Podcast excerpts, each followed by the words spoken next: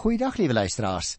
Ons het verlede keer so 'n wonderlike gedeelte in die Here se woord bespreek dat ons, jy en ek wat in Christus uit genade mag glo, nuwe mense geword het. Dat ons as dit ware 'n nuwe selfbeeld gekry het. En toe het ek vir jou gesê ons moet nie regtig praat oor selfbeeld nie.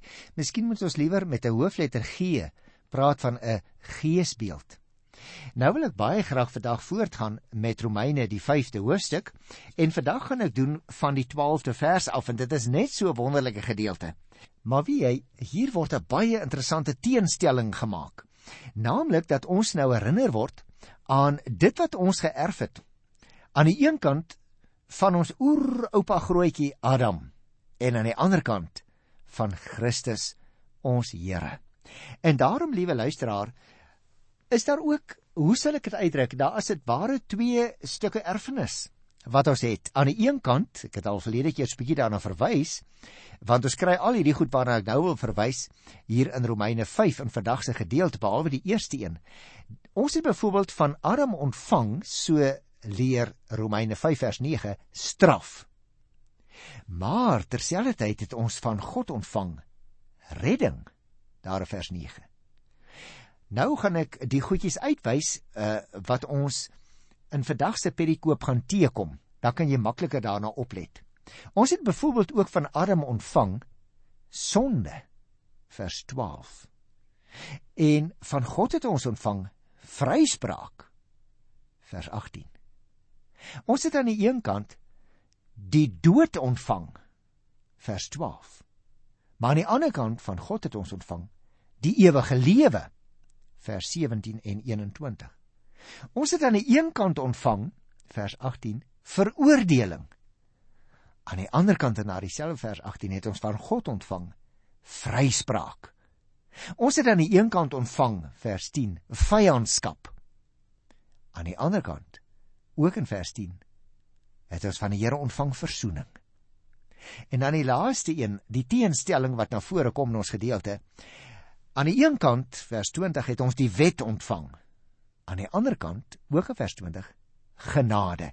Met ander woorde, dit lyk vir my, liewe luisteraar, die opskrif wat hier in die Afrikaanse teks bo aan vers 12 staan, Adam en Christus, is 'n baie toepaslike opskrif.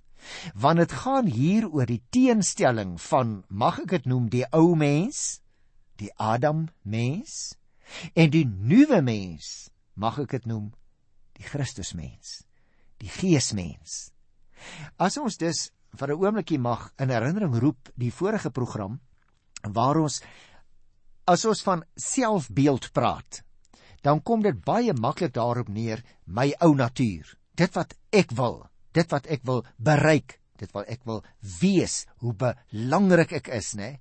En al daardie goed van die ou Adam gedeelte van my erfenis moet vervang word deur die nuwe erfenis, my Christus erfenis, my nuwe lewe, my saligheid, my redding, my uitsig op 'n lewe saam met die Here in die ewigheid. So jy sien liewe luisteraar, ons het hier 'n baie baie skerp teenstelling. Voordat ek dus die verse in detail met jou gaan behandel, wil ek dan eers in breë oorsig en breë lyne vir jou sê waaroor gaan dit hier in Romeine 5 vers 12 tot 21.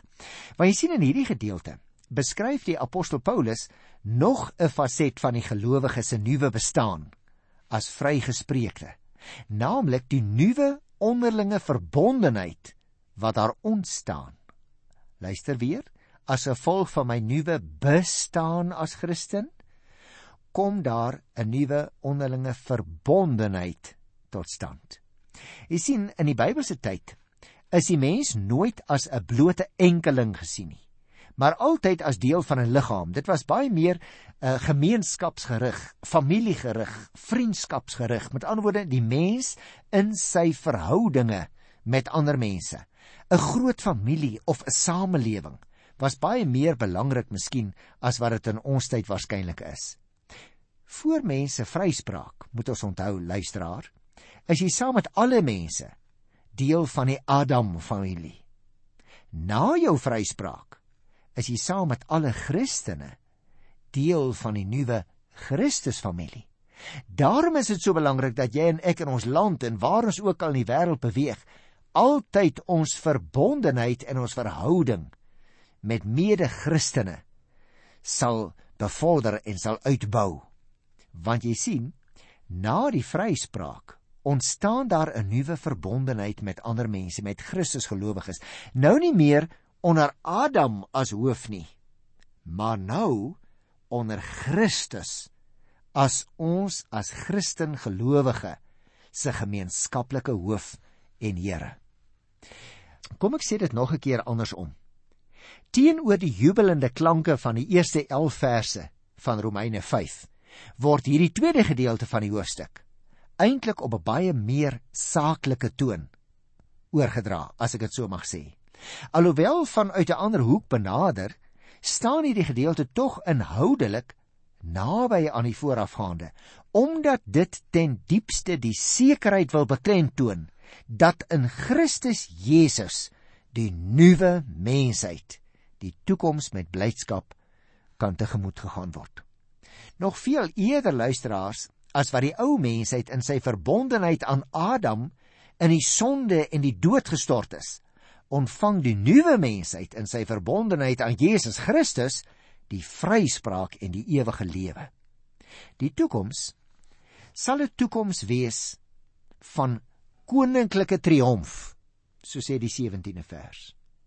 Die toekoms sal 'n toekoms wees van die heerskappy van die genade, vers 21. Op die vermelding van die ganse mensdom se vervallenheid onder sonde en dood wat ons in vers 12 gedoen het, volg 'n tussendeel oor die verband tussen wet en straf en dood wat mens daar kry in vers 13 en 14. Maar nou in hierdie sterk gedeelte van vandag, hierop word die lot van die ou mensheid in Adam met die van die nuwe mensheid in Christus vergelyk en uiteindelik die genadegerigte doel van die wet wat omskrywe word. Nou ek praat so baie liewe luisteraars, dalk klink dit nou vir jou moeilik. Kom ons kyk na die detail hier van Romeine, die 5de hoofstuk van vers 12 af. Ek wil sommer 'n hele rukkie stil staan by vers 12, want dis 'n wonderlike gedeelte waarin die teenpool vir ons duidelik geteken word. Ek lees vers 12. Verder nog dit. Deur een mens het die sonde in die wêreld gekom en deur die sonde die dood. En so die dood tot al die mense deurgedring omdat almal gesondig het. Nou, liewe luisteraar, miskien kom hier 'n vraag by jou ook na vore. Hoe kan ons verantwoordelik gehou word vir iets wat Adam duisende jare gelede al gedoen het? Net so 'n paar dae gelede het iemand wat nie van ons gemeente is nie by my opgedaag en vir my gesê hy hy wil nou bietjie met my oor die Bybel praat. En toe ons begin praat, hoe blyk dit dat hy sê, "Luister Dominee, Ek kom eintlik net vanmiddag vir jou sê, jy verkondig 'n evangelie wat vir my totaal onaanvaarbaar is. Luister na die radio as jy praat. Ek was in die kerk om die waarheid te sê, hy het vir my gesê hy kom uit uh, Christelike gesin. Hy sê maar Dominee, ek aanvaar nie langer dat daar so 'n ding soos 'n ou mens is nie. Ek aanvaar nie dat ek erfsonde het nie. Ek aanvaar nie dat Adam so 'n groot invloed op my lewe gehad het nie.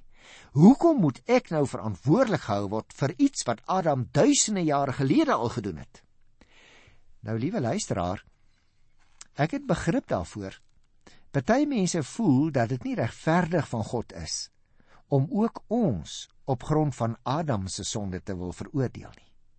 As jy en ek egter eerlik wil wees, dan dink ek sal ons moet erken dat ons elke dag met ons sondes wys dat die appel nie ver van die boom afgeval het nie. Ons aard eintlik maar baie baie diep aard ons na ons oer oupa grootjie. Is dit nie waar nie? Selfs die beste mense onder ons, as ek nou so kan uitdruk. By hulle sien jy soms slaan daar 'n stuk ou mens deur. Wat jy vir jouself sê maar Jo, maar kan dit dieselfde Christen wees as Christen? Kyk hoe tree hy nou op.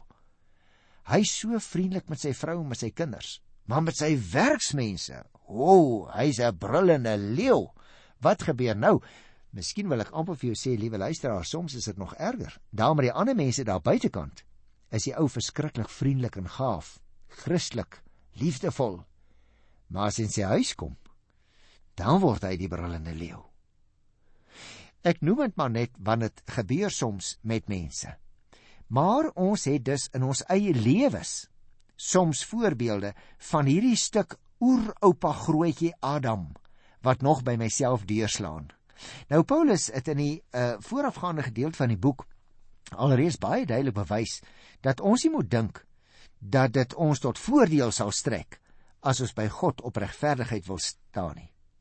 As God ons gee wat ons verdien, liewe luisteraar, is dit net Adam se lot wat ons sal kry.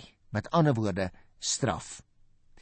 Die teks sê baie duidelik vers 12 hierso, die een mens deur wie die sonde en die dood in die wêreld gekom het, sodat die sonde tot al die mense deurgedring het, daardie een mens is Adam, die stamvader van die hele menslike geslag. Die Bybelse gedagte dus van die mens se verbondenheid aan die groter organisme waartoe hy behoort, speel in hierdie hele gedeelte 'n baie baie belangrike rol. Die mens, liewe luisteraar, is nie 'n onverbonde eilandjie in 'n groot oseaan nie. Jy en ek is deel van 'n groter geheel. Ons is deel van 'n gesin. Ek het nou die dag die roudiens van iemand gehou wat hulle hier uit die middestad van Pretoria my gebel het, sê maar sy familie wil eintlik niks van hom weet nie. Hy het in eensaamheid gesterwe. Maar liewe luisteraar, in praktyk behoort dit mos so nie nie so te wees nie. Ons is mos deel van 'n groter geheel, 'n familie, 'n geslag, 'n mensheid met wie jy en ek ons wel en wee deel. Nou in sy hoof, Adam, lê die ou mens uit in die sonde en die dood. Maar teenoor hierdie ou moontlikheid redeneer Paulus nou, staan die nuwe mensheid wat met hulle hoof Jesus Christus, die nuwe Adam, 'n nuwe organisme vorm en met hom lotgemeen is. Met ander woorde, daar kom 'n skeidslyn tussen mense wat net altyd hulle verbind aan die ou Adam, mense wat hulle nuut verbind het met die Christus. En daarom lyk dit vir my kenmerkend in hierdie uh, 12de versie soos ook in die hele gedeelte wat gaan volg, is die naas mekaar stel van die een en die almal wat in die een inbegrepe is en met hom lot verbonde is. Wanneer 'n mens die evangelie in geloof aanvaar, luisteraar, word hy vanuit die eerste Adam uitgeruk, as ek dit so mag sê, en in die tweede Adam, Jesus Christus ingeplant en deel daardie persoon nou in alles wat Christus vir hom verwerf het. Die sonde word dus in hierdie vers 12 gesien as 'n mag wat die wêreld inbeweeg het en op wie se hakke sy somber dubbelganger die dood baie kort op sy hakke gevolg het. Luister na vers 13 en vers 14. Die sonde was al in die wêreld nog voordat die wet wet van Moses gegee is, maar sonde word nie toegereken as daar nie 'n wet is nie. Nietemin het die dood heerskappy gevoer van Adam af tot by Moses ook oor mense wat nie gesondig het op dieselfde manier as die waarop Adam oortree het nie. Jy sien Paulus onderbreek net eers sy argument wat hy in vers 12 begin het en waarmee hy net nou weer voortgaan, want hy wil eers verduidelik wat die posisie is van die mense tussen Adam en Moses. Hy sê die mense tussen Adam en Moses was ook skuldig al word hulle sonde nie in dieselfde mate toegereken nie omdat daar toe nog nie 'n wet was nie. Die bewys vir hulle sondigheid lê in die feit dat die dood heerskappy gevoer het. Ek gaan net daaroor praat. Die dood volg altyd op die sonde. Liewe luisteraar, as die dood dus daar is, is die sonde ook teenwoordig. Dit kan jy maar weet. So in hierdie vers 13 en 14 word die stelling dat alle mense gesondig het ook die wat voor die wet van Moses geleef het uitgelig en dit skep in die lig van Paulus se stelling 'n probleem dat dit juis die wet sou wees wat sonde is. Nee, sê hy, nee nee nee nee. Is nie die wet wat sonde is nie. Dis die wet wat die sonde uitwys. Die sonde wat daar was van Adam af tot by Moses. Daardie sonde word nou vir die eerste keer duidelik aan die mense uitgewys toe God sy gebooie gegee het. Met ander woorde, nou kan mense weet wat vir die Here sondig is en wat nie. Dit is eers met die koms van die wet dat die sonde sy ware skuld karakter ontmasker kry. Tog word ook die sonde van die mensheid, luister nou mooi, tussen Adam en Moses nie ongestraf gelaat nie. Al het hulle nie op dieselfde manier gesondig as Adam wat 'n spesifieke gebod van God oortree het nie. Maar luister nou liewe luisteraar, as ons nou 'n bietjie verder gaan. Hierso so van vers 14 af verder. Hier staan Nietemin het die dood heerskappy gevoer, luister nou weer, van Adam af tot by Moses, ook oor die mense wat nie gesondig het op dieselfde manier as die waarop Adam oortree het nie. En dan as ons nou kom hier luisteraar by vers 14b, dan kry ons nou hier 'n bietjie ander inligting. En nou gaan Paulus as dit ware oor van sy een voorbeeld, naamlik die verbondenheid met Adam. Hy sê daar is ooreenkomste tussen Adam en hom. Dis nou Christus. Ah, wonderlik. Daar is ooreenkomste tussen Adam en hom wat sou kom. Maar met die genadegawe is dit anders as met die oortreding. Deur die oortreding van een mens het baie gesterwe. Maar die genade van God in die gawe wat deur die genade van die een mens, Jesus Christus gekom het, is veel oorvloediger aan baie mense geskenk. En met die gawe van God is dit anders as met die sonde van die een mens. Op die oortreding van die een mens het die oordeel gevolg en dit het tot veroordeling gelei. Maar Op die baie oortredings het die genadegawe gevolg en dit het tot vryspraak gelei. Deur die oortreding van die een mens het die dood begin heerskappy voer deur hierdie een mens. Maar deur die een, Jesus Christus, is veel meer bereik. Die wat die oorvloed van genade en die vryspraak as gawe ontvang het, sal lewe en heerskappy voer. Nou liewe luisteraar, hier is dus nou 'n baie belangrike teenpool wat gestel word teen die ou vorige lewe van die Adam mense. Paulus gaan die vergelyking tussen Adam en Christus later eers voltooi, maar hy begin om oor die ooreenstemming te praat. En dan onderbreek hy sy argument nog 'n keer, want hy wil eers wys op die groot verskil wat die genade maak. Met ander woorde, die genade waaruit in die Christus familie gelewe word, doen veel meer as om bloot Adam se sonde te kanselleer. Hy sê dit plaas ons nie net terug in die oorspronklike toestand van Adam nie, maar dit gee aan ons die ewige lewe en die heerskappy. Daarom wil ek nou baie graag vir jou lees wat staan hier van die 18de vers af. Luister na vers 18 en 19. Soos een oortreding gelei het tot veroordeling van alle mense, so het een daad van gehoorsaamheid dus ook gelei tot vryspraak en lewe vir almal.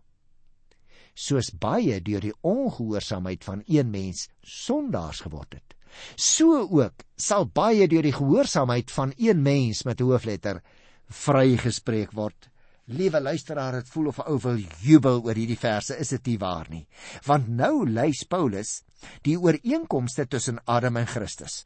En so word die radikale verskil tussen die Adam familie aan die een kant en die Christus familie aan die ander kant duidelik gemaak. Daarom het ek daardie verskille by die begin van die program ook vir jou genoem. Jy sien, die een, dis nou die Adam familie. Hulle hoort tot die sondige ou wêreld. Die ander, dis nou die Christus familie, hoort tot God se nuwe wêreld. Die een vertel van straf, naamlik die loon op die sonde. En dit is die dood. Die ander vertel vir ons van genade, naamlik God se geskenk, die ewige lewe. Liewe luisteraar, die vergelyking tussen Adam en die baie wat aan hom verbonde is met Christus en die baie wat aan hom behoort, word nou vanuit verskillende aanlope telkens deurgevoer. Die analogie is telkens duidelik en die vergelyking word 'n hele paar keer deurgetrek. Daarom het ek net nou vir jou verduidelik. Die ou lewe, die Adam lewe in die teken van sonde. Die Christus lewe in die teken van redding. Die ou lewe van Adam in die teken van vyandskap. Die nuwe lewe van die Christene, die versoeningslewe, want ons is met God versoen en ook met ander mense versoen. En daarom wil ek graag afsluit met die laaste twee versies. Die wet het bygekom om die oortreding nog meer te maak. En hoe meer die sonde geword het, hoe oorvloediger het die genade geword. Die doel was dat uh, soos die sonde deur die dood heerskappy gevoer het, die genade deur die vryspraak ook heerskappy kan voer en tot die ewige lewe kan lei deur Jesus Christus ons Here. Klink dit vir jou moeilik? Mag ek dit so vir jou probeer saamvat, liewe luisteraar? Hy sê Ons het nou die bedoeling van die wet duidelik gesien. Dit het bygekom om die oortreding nog meer te maak. Hiermee word nou natuurlik bedoel dat die wet die grootheid van die sonde kwalitatief en kwantitatief duideliker aan die lig gebring het. Kom ek sê dit makliker? Die feit dat die Here vir ons die wet gegee het by Sinai Dit het meegebring dat ons nou baie duidelik kan sien wat sonde is, want die wet sê vir ons wat sonde is. Kom ek sê dit nog 'n keer andersom.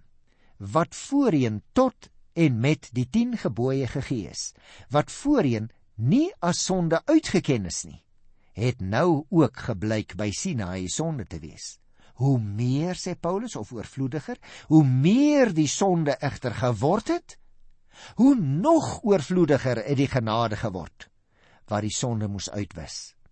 En daarom, liewe luisteraar, sê hy: Die sonde het deur die dood as koning geregeer. Net so sou op grond van God se heilshandeling die vryspraak as koning regeer en dit sou lei tot die ewige lewe. Hoe? Deur die koms van Jesus Christus. Hy sê dus in Christus is die bewind van die sonde finaal iets van die verlede. Dit is nou die genade wat regeer.